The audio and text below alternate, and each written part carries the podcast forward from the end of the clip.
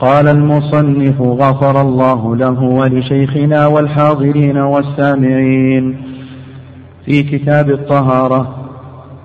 وإن شك في نجاسة ماء أو غيره أو طهارته بنى على اليقين. وإن اشتبه طهور بنجس حرم استعمالهما ولم يتحرى. ولا يشترط للتيمم إراقتهما ولا خلطهما وإن اشتبه بطاهر توضأ منهما وضوءا واحدا من هذا غرفة ومن هذا غرفة وصلى صلاة واحدة. وإن اشتبهت ثياب طاهرة بنجسة أو محرمة صلى. صلى في كل ثوب صلاة بعدد النجس أو المحرم وزاد صلاة. باب الآنية. كل إناء طاهر ولو ثمينا يباح اتخاذه واستعماله إلا إلا آنية ذهب وفضة ومضببا بهما فإنه يحرم اتخاذها فإنه يحرم اتخاذها واستعمالها ولو على أنثى. وتصح الطهارة منها إلا ضبة يسيرة من فضة لحاجة وتكره مباشرتها لغير حاجة. وتباح آنية الكفار ولو لم تحل ذبائحهم وثيابهم إن جهل حالها. ولا يطهر جلد ميتة بدباغ. تقدم لنا في الدرس السابق بقية أحكام المياه وأخذنا من هذه الأحكام ما يتعلق باستعمال الماء وأن الماء المستعمل ينقسم إلى قسمين القسم الأول ما استعمل في رفع حدث والقسم الثاني ما استعمل في طهارة غير واجب. وذكرنا حكم كل قسم من هذين القسمين. وتكلم المؤلف رحمه الله عن حكم الماء. الذي غمس فيه يد قائم من نوم الليل الناقض للوضوء وأيضا ما هو حكم الماء الذي خلت به امرأة مكلفة عن حدث لطهارة كاملة؟ وهل يرفع حدث الرجل أو لا يرفع حدث الرجل؟ إلى آخره. وأيضا ذكر المؤلف رحمه الله تعالى الماء النجس. وأن الماء النجس المشهور من المذهب يشتمل على ثلاثة أمور. وأيضا بينا مصطلح الماء القليل والماء الكثير. وأيضا ذكرنا كيف يطهر الماء إذا تنجس وقلنا في خلاصة ذلك آه إن النجاسة حكم مستقدرة شرعا إذا زالت بأي مزيل طهر المحل لأن الحكم يدور مع علته وجودا وعدما فإذا تنجس الماء فبأي طريق زال هذا الوصف الخبيث فإن الماء يطهر. آه وبقي علينا في بقية أحكام المياه. مسألتان. يعني يقول المؤلف رحمه الله وإن شك في طهارة ماء أو نجاسته منع اليقين.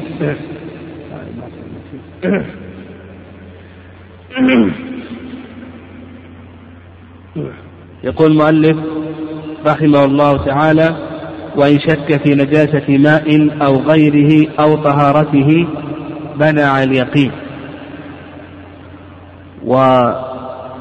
ونفهم قاعدة في المذهب وهي البناء على اليقين عند الشك.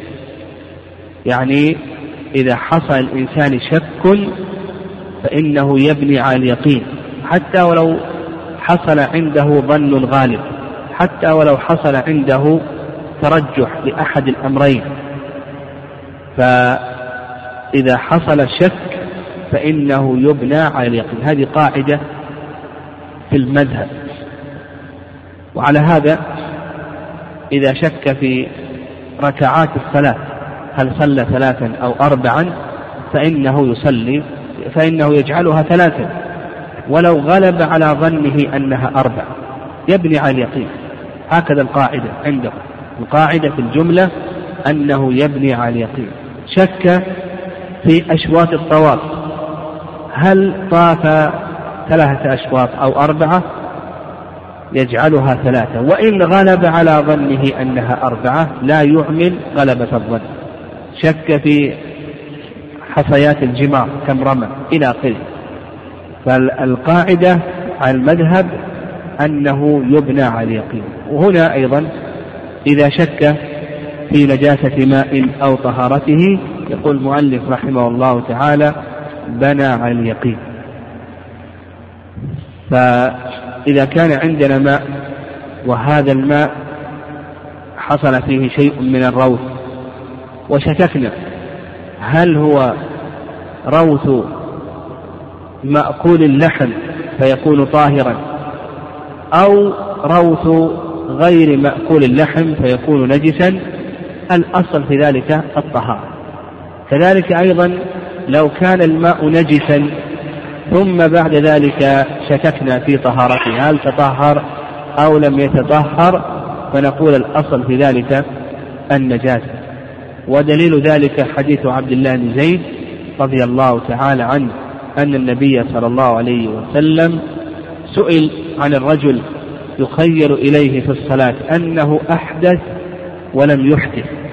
فقال النبي صلى الله عليه وسلم لا ينصرف حتى يسمع صوتا أو يجد ريحا. وإحدى القواعد الخمس الكلية قاعدة اليقين لا يزول بالشك.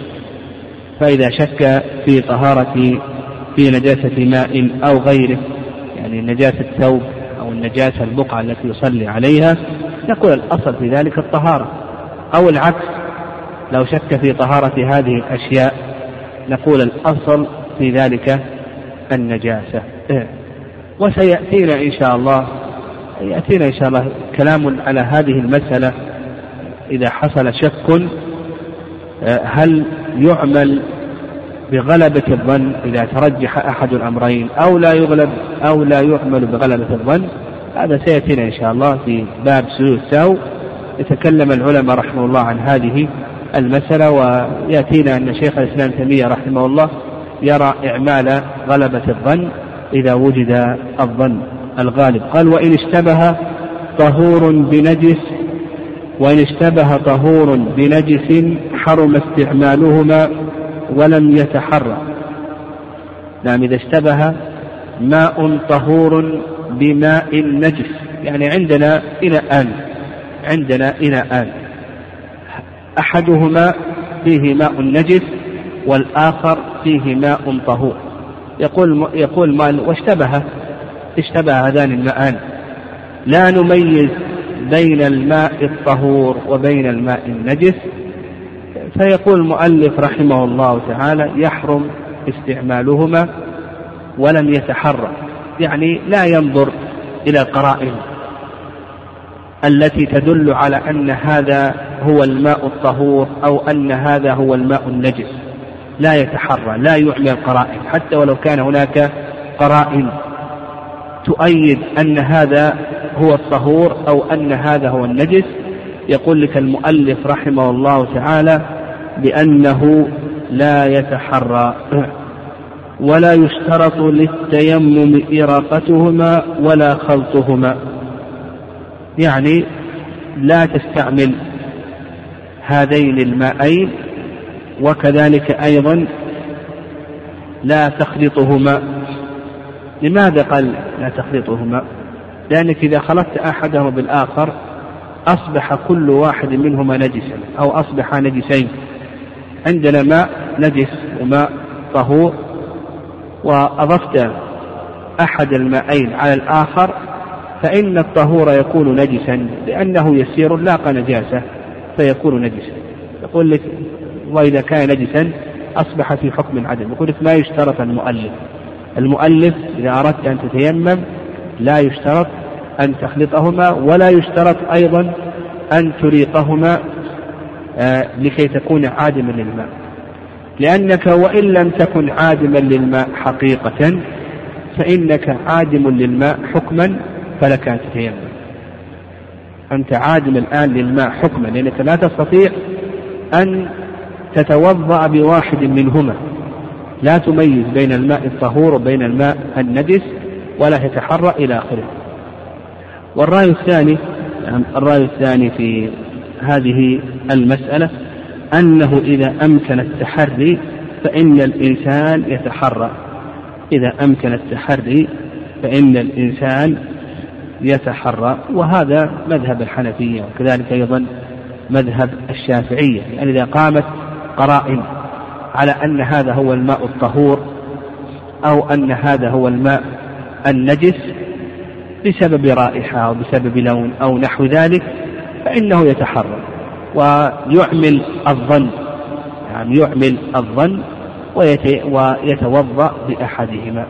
وهذا القول نعم هذا القول هو الصواب نعم هذا القول هو الصواب ويدل لذلك حيث مسعود رضي الله تعالى عنه في البخاري في الشك فإن النبي صلى الله عليه وسلم قال فليتحرى الصواب ثم ليبني عليه. قال فليتحرى الصواب ثم ليبني عليه. قال وإن اشتبه بطاهر توضأ منهما وضوءا واحدا. يعني اشتبه الطهور بماء طاهر وهذا على رأي كثير من أهل العلم في إثبات الماء الطاهر. عندنا ماء طهور وعندنا طهور غمس فيه يد قائم من نوم الليل الناقض الوضوء. كما تقدم لنا إذا كان يسيرا أقل من قلتين وغمس فيه يد قائم من نوم جميع اليد غمست. ناقض الوضوء فإنه يكون طاهرا. اشتبه عندنا أي الماءين الذي غمست فيه هذه اليد. هل هو الماء الأول أو الثاني؟ يقول لك المؤلف رحمه الله توضأ وضوءا واحدا من هذا غرفة ومن هذا غرفة وصلى صلاة واحدة. يعني إذا أراد أن يتوضأ يأخذ غرفة من الأول ويتمضمض ثم يأخذ غرفة من الثاني ويتمضمض. ثم يأخذ غرفة يتمضمض ويستنشق ثم يأخذ غرفة ويغسل وجهه ثم يأخذ غرفة من الثاني ويغسل وجهه وهكذا. يتوضأ من هذا ومن هذا وضوءا واحدا غرفة من هذا وغرفة من هذا ويصلي صلاة واحدة. طيب لماذا لا يتوضأ وضوءا كاملا من هذا ثم يتوضأ وضوءا كاملا من هذا؟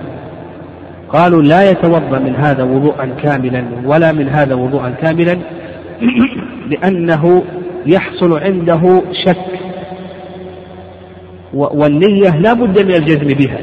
هو أثناء وضوءه عنده شك هذا هو الماء الطاهر ما جزم. وأثناء أيضا وضوءه يشك إن هذا هو الماء الطاهر لابد أن أن تكون النية جازمة. لابد أن تكون النية جازمة. هنا ما يحصل عنده جزم. أثناء الوضوء يشك إن هذا هو الماء الطاهر. وأثناء الوضوء من الثاني يشك إن هذا هو الماء الطاهر. فليس عنده نية جازمة. وإذا كان كذلك يتوضأ من هذا غرفة ومن هذا غرفة. لكن لو توضأ من هذا غرفة من هذا غرفة وانتهى من وضوئه فإنه يجزم الآن أنه توضأ بماء طهور. بخلاف ما إذا توضأ من الأول يشك الآن هل هو توضأ من ماء طهور أو لا. فيقول لك المؤلف يتوضأ من هذا غرفة ومن هذا غرفة إلى آخره والعلة كما سلف. لكن إذا قلنا بأن الماء ينقسم إلى قسمين وأن الطهور آه، ليس له وجود إلى آخره. لم ترد عندنا هذه المسألة. قال وإن اشتبهت ثياب طاهرة بنجسة أو بمحرمة صلى في كل ثوب صلاة بعدد النجس أو المحرم وزاد صلاة. يعني اشتبهت ثياب طاهرة بثياب نجسة. وهذا كما تقدم ذكرنا لكم القاعدة على المذهب. القاعدة على المذهب عند الشك يؤمنون اليقين. لا بد من اليقين. يعني عند الشك. يعني القاعدة عندهم في الجملة أنهم يؤمنون اليقين إذا حصل الشك. يعني فهذه المسائل التي ذكرها المؤلف رحمه الله منبنية على هذه القاعدة عند الحنابلة رحمهم الله قال لك وإن اشتبهت ثياب طاهرة بنجسة أو بمحرمة صلى في كل ثوب صلاة. عنده خمسة ثياب نجسة أصابها بول وخمسة ثياب طاهرة واختلطت. كيف يصلي؟ نقول صل بعدم بعدد النجسة كم عدد النجسة؟ خمس. خمسة أثواب. صل بعددها وزد صلاته لأنه إذا صلى ست صلوات فإنه يتيقن أنه صلى صلاة بثوب طاهر. الآن يصلي بعدد الثياب النجسة خمس. وإذا زاد صلاة تيقن يقينا أنه صلى بثوب طاهر. هنا لابد أن يبدأ صلاته عن يقين. هنا الآن تيقن حصل له اليقين. لو كانت الثياب النجسة عشرة لابد أن يصلي عشر صلوات. ويزيد صلاة. أو كانت الثياب المحرمة عشرة كالثياب المسروقة أو المغصوبة. ويزيد صلاة. وهذا هو المشهور من المذهب والرأي الثاني رأي أبي حنيفة والشافعي أنه يتحرى أنه يتحرى ثوبا ويصلي فيه وذكرنا الدليل على ذلك. يعني ينظر ويعمل القرائن فالذي يغلب على ظنه أنه ثوب طاهر أنه يصلي فيه وادعى ذلك كما تقدم حيث مسعود في البخاري أن النبي صلى الله عليه وسلم قال فليتحرى الصواب ثم ليبني عليه فليتحرى الصواب ثم ليبني عليه. وقول المؤلف رحمه الله أو المحرم يعني ال ال آه، رأيهم في مسألة الثياب المحرم أضعف من رأيهم في مسألة الثياب النجسة. لأن الثياب المحرمة لو لو يتيقن أنه ثوب محرم وصلى به صلاته صحيحة. يعني صلاته صحيحة. لأن النهي هنا لا يعود إلى ذات المنهي عنه أو إلى شرطه المختص بالعبادة. يعود إلى شرط إلى الشرط لكنه لا يختص بالعبادة. كما ذكر ابن رجب رحمه الله في القواعد أن النهي يعني متى يقتضي النهي الفساد؟ النهي متى يقتضي الفساد؟ هذه قاعدة كبيرة قاعدة أصولية كبيرة ولها أربعة أقسام.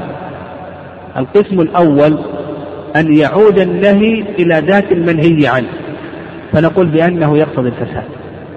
القسم الثاني أن يعود إلى أمر خارج نقول لا يقتضي الفساد كما لو صلوا عليه ثوب. عمامة حرير.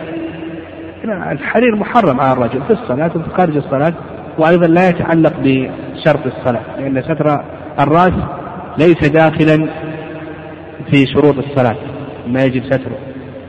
القسم الثالث أن يعود إلى الشرط شرط العبادة أو المعاملة على وجه يقتص فنقول بأنه يقضي الفساد.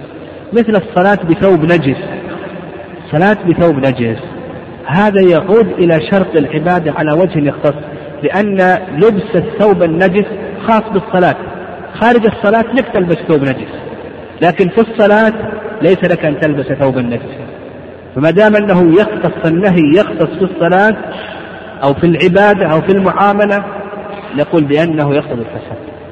القسم الرابع أن يعود إلى شرط العبادة أو المعاملة لكنه لا يختص. مثل الصلاة في الثوب المسروق. السرقة استعمال الثوب المسروق محرم في الصلاة وخارج الصلاة. استعمال الثوب الحرير محرم في الصلاة للرجل وخارج الصلاة. لكن لبس الثوب النجس هذا خاص في الصلاة. لا يجوز لك. لكن خارج الصلاة لو لبست ثوبا نجسا نقول بأن هذا جائز ولا بأس به. فنفهم من هذا أن الإنسان لو صلى بثوب محرم كمسروق أو مغصوب أو منتهب هنا التحريم أو النهي يعود إلى شرط لا يختص بالعبادة فنقول بأنه لا يقتضي الفساد وحينئذ آه، تكون هذه المسألة إذا صلى بالثوب المحرم أضعف منها في مسألة إذا صلى في الثوب النجس. قال المؤلف رحمه الله باب الآنية. الآنية هي الوعاء والأواني هي الأوعية. الأواني هي الأوعية. ومناسبة هذا الباب لما قبله أن المؤلف رحمه الله تعالى لما ذكر الماء ذكر ظرفه لأن الماء جوهر سيال. الماء جوهر سيال يحتاج إلى إناء يحفظ به. فلما ذكر المؤلف رحمه الله المياه ذكر ظرف الماء والماء له مناسبتان عند العلماء رحمهم الله.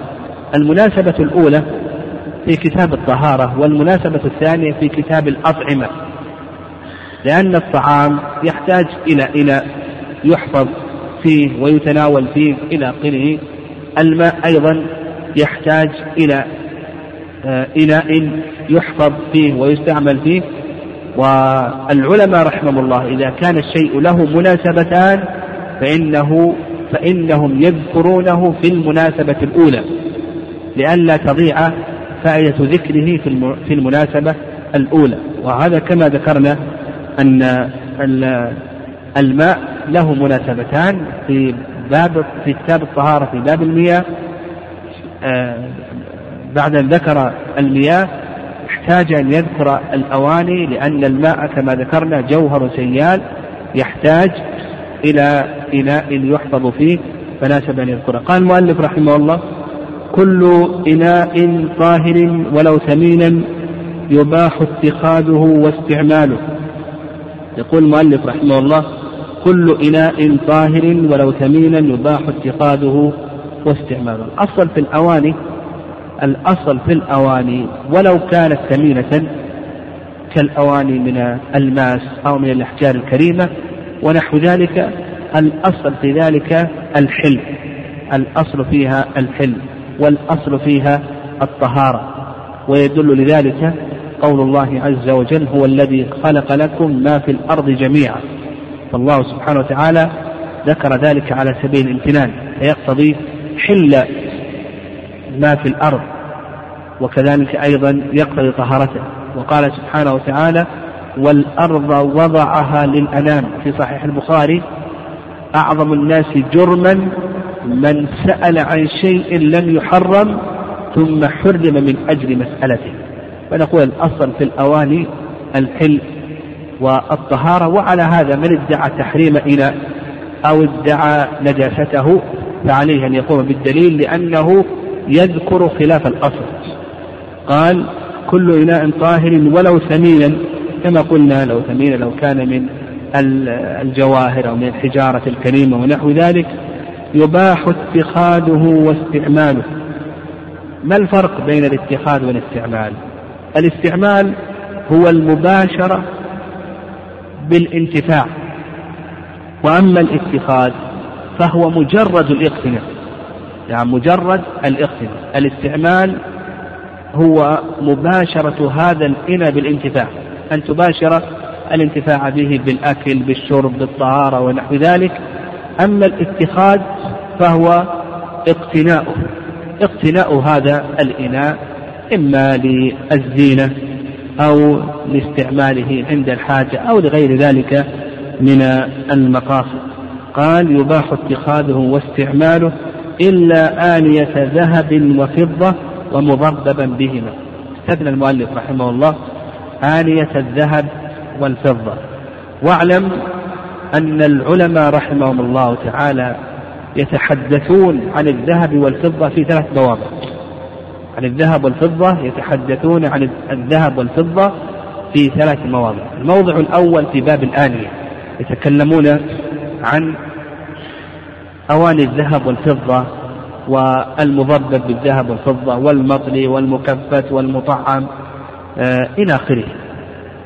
والموضع الثاني في باب شروط الصلاة عندما يتكلمون عن الألبسة وحكم لبس الذهب والفضة إلى آخره. يعني لبس الثياب التي فيها شيء من الذهب أو الفضة ونحو ذلك. الموضع الثالث في كتاب الزكاة. عندما يتكلمون عن زكاة الذهب والفضة يتكلمون عن أحكام التحلي بالذهب والفضة. فإذا أردت نعم معرفة أحكام الذهب والفضة إلى آخره فأن ترجع إلى هذه المواضع الثلاثة. في باب الربا نعم لا بأس أن نضيف هذا. في باب الربا يتكلمون عن جريان الربا في الذهب والفضة وعن العلة نعم علة الذهب والفضة إلى آخره وبيع الذهب بالفضة إلى آخره يتكلمون عن ذلك. المهم نفهم هنا أن المؤلف رحمه الله تعالى يتكلم عن آنية الذهب والفضة. أما بالنسبة لاستعمال الذهب والفضة في اللباس فهذا تجده في باب شروط الصلاة. والتحلي واستعمال الذهب والفضة كتحل فهذا تجده تجده في أي شيء؟ في كتاب الزكاة. يقول لك المؤلف رحمه الله إلا آنية ذهب وفضة ومضببا بهما فإنه يحرم اتخاذها واستعمالها ولو على أنثى. يحرم اتخاذها واستعمالها ولو على أنثى. ودليل ذلك يعني عندنا آنية الذهب والفضة نقول بأن اتخاذها واستعمالها محرم سواء كانت مثبتة يعني خالصة من الذهب والفضة أو كان فيها شيء من الذهب والفضة.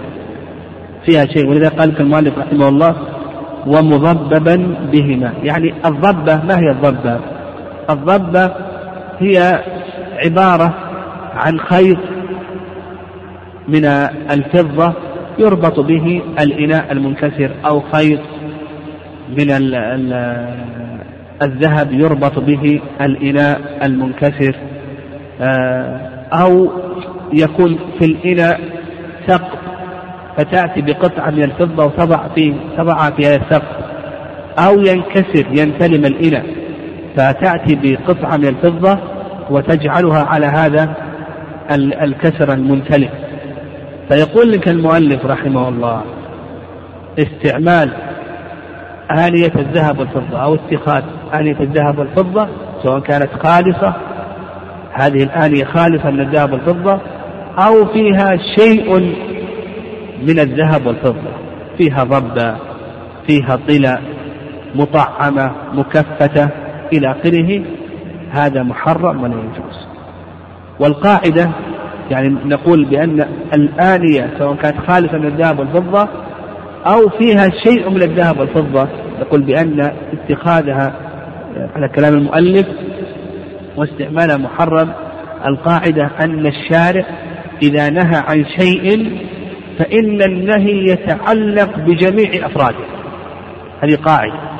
الشارع إذا نهى عن شيء فإن النهي يتعلق بجميع أفراده.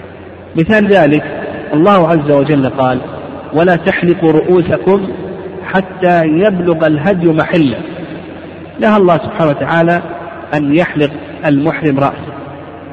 الله عز وجل نهى عن جميع الرأس. قال العلماء يحرم ولو شعرة واحدة لأن الشارع إذا نهاك عن شيء يتعلق النهي بجميع أفراده.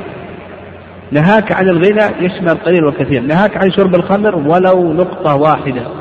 نهاك عن استعمال آلة الذهب والفضة نقول سواء كانت خالصة أو فيها ولو شعرة واحدة. لو فيها شيء يسير من الذهب والفضة نقول بأن هذا محرم ولا يجوز.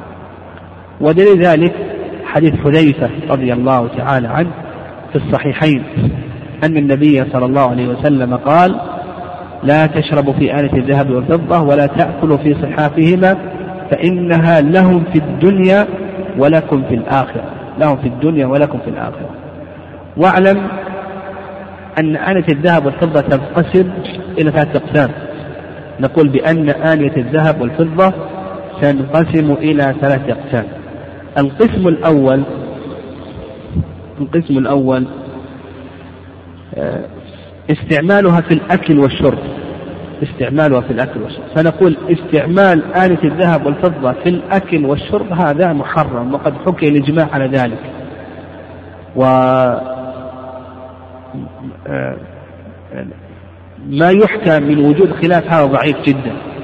والنووي رحمه الله شدد في شرح صحيح مسلم شدد في وجود الخلاف في هذه المسألة. فنقول ما يتعلق بالأكل والشرب نقول يحرم الأكل والشرب في آنية الذهب والفضة سواء كانت خالصة أو كان فيها شيء من الذهب والفضة لما ذكرنا من القاعدة أن الشارع إذا نهى عن شيء تعلق النهي بجميع أفراده.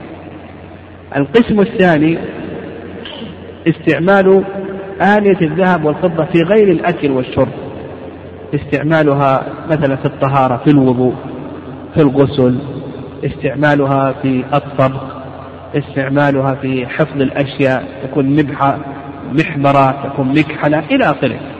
في المهم في غير الأكل والشرب. هذا جمهور العلماء على أن هذا لا يجوز. جمهور العلماء على أن هذا غير جائز. والرأي الثاني نعم هذا يعني الرأي الثاني أن استعمالها في غير الأكل والشرب أنه جائز لأن الشارع إنما نص على الأكل والشرب وهذا قال به الشوكاني كذلك أيضا الصنعاني. يعني لكن جمهور العلماء رحمه الله يرون التحريم وابن القيم رحمه الله يميل إلى ما ذهب إليه جمهور العلماء رحمهم الله وقالوا بأن يعني الذين قالوا بأن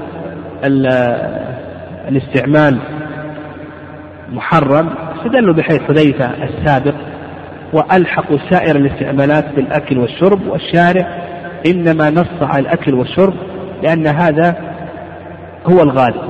يعني هذا هو الغالب. هذا وما كان قيدا أغلبيا فإنه لا مفهوم له عند الأصوليين. والذين قالوا بالإباحة قالوا لأن الشارع إنما نص على الأكل والشرب والأصل في الآنية الحل وثبت في البخاري أن أم سلمة رضي الله تعالى عنها كان عندها جلجل من فضة تحتفظ فيه بشيء من شعارات النبي صلى الله عليه وسلم. ال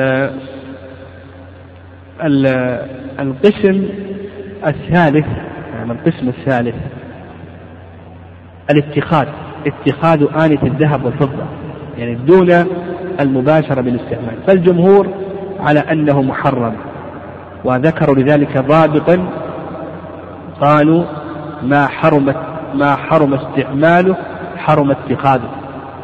والرأي الثاني رأي الحنفية يعني الرأي الثاني رأي الحنفية أن الاتخاذ أن هذا جائز. يعني يكون تتخذ آنية من الذهب أو الفضة أن هذا جائز ولا بأس به ويتمسكون كما سلف بما تمسك به آه، من قال بإباحة استعمال آنية الذهب والفضة في غير الأكل والشرب.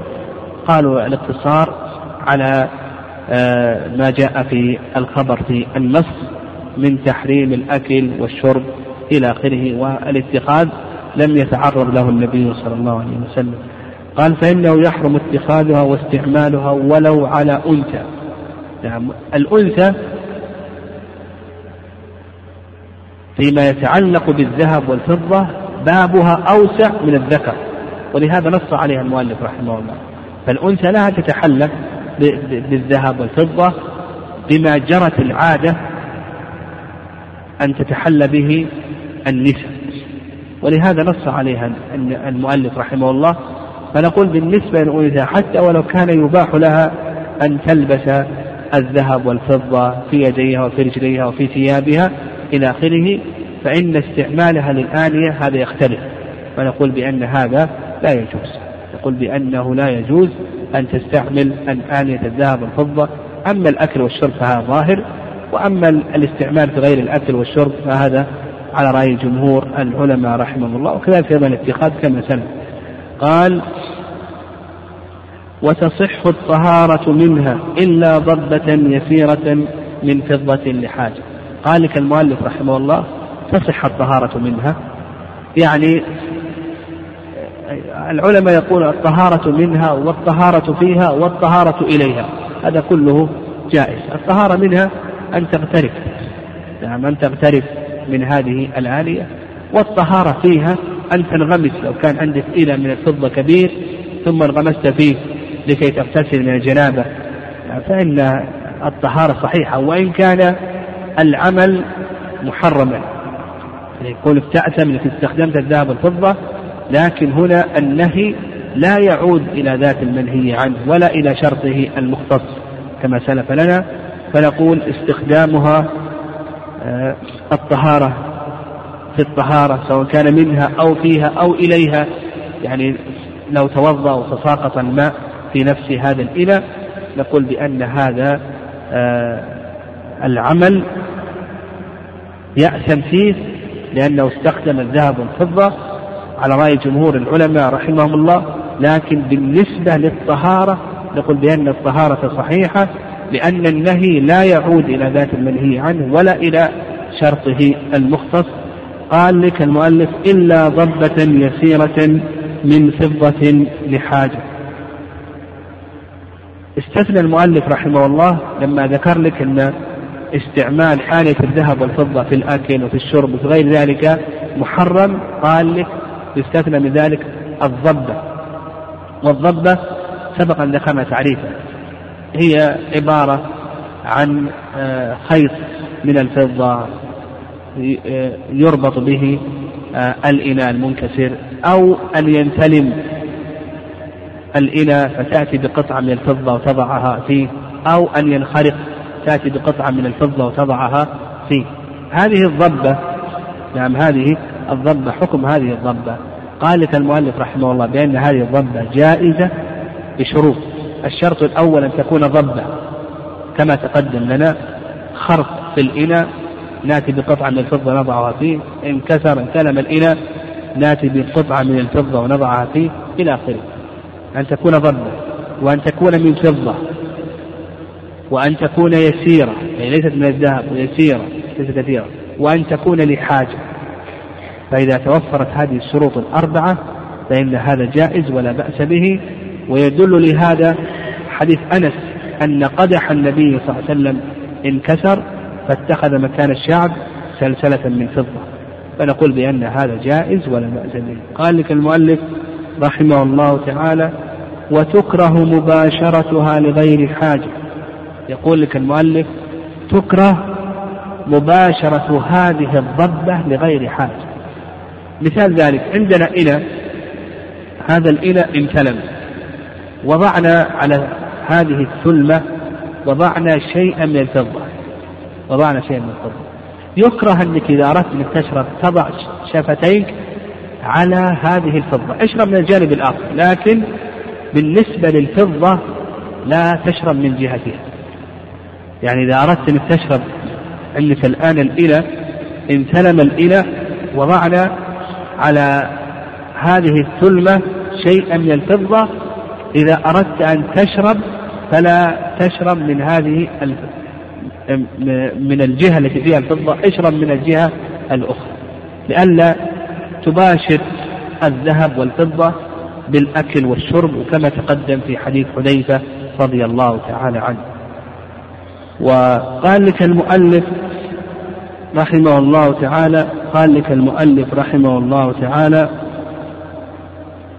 آه إلا لحاجة يعني إلا لحاجة إذا كان إذا احتجت إلى ذلك فهذا لا بأس. مثلا الجانب الآخر حار الجانب الآخر حار وجانب الفضة بارد فيقول لك هذه حاجة. أو مثلا تدفق الشراب من جهة الفضة فتحتاج إنك تشرب لئلا يضيع الشراب. فهذه حاجة يقول لك المؤلف رحمه الله لأن هذا جائز ولا بأس به. قال لك وتكره مباشرتها لغير حاجة. قال وتباح آنية الكفار ولو لم تحل ذبائحهم. تباح آنية الكفار ولو لم تحل ذبائحهم. من هم الكفار الذين تحل ذبائحهم؟ والكفار الذين لا تحل ذبائحهم الكفار الذين تحل ذبائحهم هم أهل الكتاب. اليوم أحل لكم الطيبات وطعام الذين أوتوا الكتاب حل لكم وطعامكم حل لهم. طعامهم ذبائحهم. فالذين تباح ذبائحهم هم اليهود والنصارى. غير اليهود والنصارى ما تباح ذبائحهم. كالمجوس وكالوثنيين وكالشيوعيين والدهريين والبوذيين وغير ذلك. هؤلاء كلهم لا تباح ذبائحهم. ذبائحهم لأنهم ليسوا من أهل الزكاة. بالنسبة للأواني تباح آلة الكفار سواء كانوا من أهل الكتاب أو كانوا من غير أهل الكتاب. لماذا؟ ما هو ادعاء ذلك؟ الدليل ما تقدم ذكرنا أن الأصل في الآنية الأصل في الآنية الحل والطهارة وهذا يشمل حتى آنية الكفار. وثبت في الصحيحين أن النبي صلى الله عليه وسلم شرب من مزادة امرأة مشركة. شرب من مزادة امرأة مشركة. كون النبي صلى الله عليه وسلم شرب من مزادة امرأة مشركة هذا يدل على طهارة آه، آه، آنية الكفار. قال ولو لم تحل ذبائحهم لكن كيف الجواب عن حديث أبي ثعلبة الخشني رضي الله تعالى عنه؟ فإن النبي صلى الله عليه وسلم قال إن وجدتم غيرها فلا تأكلوا فيها وإن لم تجدوا فاغسلوها وكلوا فيها. قال اغسلوها وكلوا فيها. نقول الجواب عن هذا من وجهين الوجه الأول أن هذا محمول على التنزل نعم الجواب الأول أن هذا محمول يعني الأمر بالغسل كما جاء في حديث أبي ثعلب الخشني رضي الله تعالى عنه نقول بأنه محمول على التنزه. والجواب الثاني الجواب الثاني أنه هذا محمول على آنية عرفت فيها النجاسة. يعني محمول على آنية عرفت فيها النجاسة. قال المؤلف رحمه الله وثيابهم إن جهل حالها. أيضا أصل في ثياب الكفار الطهارة هذا الأصل. ودليل ذلك ما تقدم من قول الله عز وجل هو الذي خلق لكم ما في الأرض جميعا وعلى هذا على هذا إذا جاء الثياب من الكفار منسوجة أو مصنوعة ونحو ذلك لا يجب على المسلم أن يغسلها. والمسلم لا يجب عليه أن يغسلها لأن الأصل في ذلك الطهارة. نعم ودليل ذلك ما تقدم في أول الباب. قال ولا يطهر جلد ميتة بدباق يقول لك المؤلف رحمه الله تعالى لا يطهر جلد الميتة بالدبق جلد الميتة يقول المؤلف رحمه الله لا يطهر بالدبق ما هي الميتة؟ الميتة هي كل ما مات حتف أنفه أو ذكي ذكاة غير شرعية. كل ما مات حتف أنفه أو ذكي ذكاة غير شرعية نقول بأنه لا يطهر نقول بأنه ميت. طيب بالنسبة لجلده هل يطهر جلده بالدم أو لا يطهر؟ المشهور من المذهب أنه لا يطهر. كل جلد ميتة لا يطهر بالدم سواء كان جلد مأكول اللحم أو كان جلد غير مأكول اللحم جلد حيوان طاهر في حال الحياة أو حيوان غير طاهر كل جلد لا يطهر بالدم. هذا الخلاصة في المذهب. ودليلهم على ذلك حديث عبد الله بن عكين وقال جاءنا كتاب الرسول صلى الله عليه وسلم قبل أن يموت ألا تنتفع من الميتة بإهاب ولا عصب. ألا تنتفع من الميتة بإهاب ولا عصب.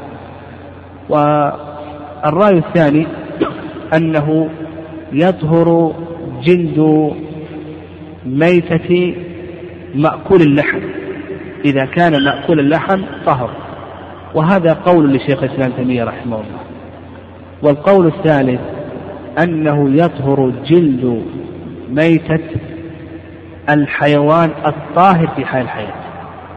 يطهر جلد ميتة الحيوان الطاهر في حال الحياة. وهذا أيضا قول شيخ الإسلام تيمية رحمه الله. والرأي الثالث الرابع أنه أن كل جلد يطهر بالدبغ إلا جلد الخنزير والكلب. رأي الشافعي. أن كل جلد يطهر بالدبغ إلا جلد الخنزير والكلب. والرأي الثالث أو الرأي الخامس أن كل جلد يطهر بالدبغ إلا جلد الإنسان والخنزير. وهي حنفية. والرأي الأخير أن كل جلد يطهر بالدم لا يستثنى شيء حتى جلد الكلب يطهر بالدم. والذي يظهر والله أعلم أن أرجح الأقوال قولان.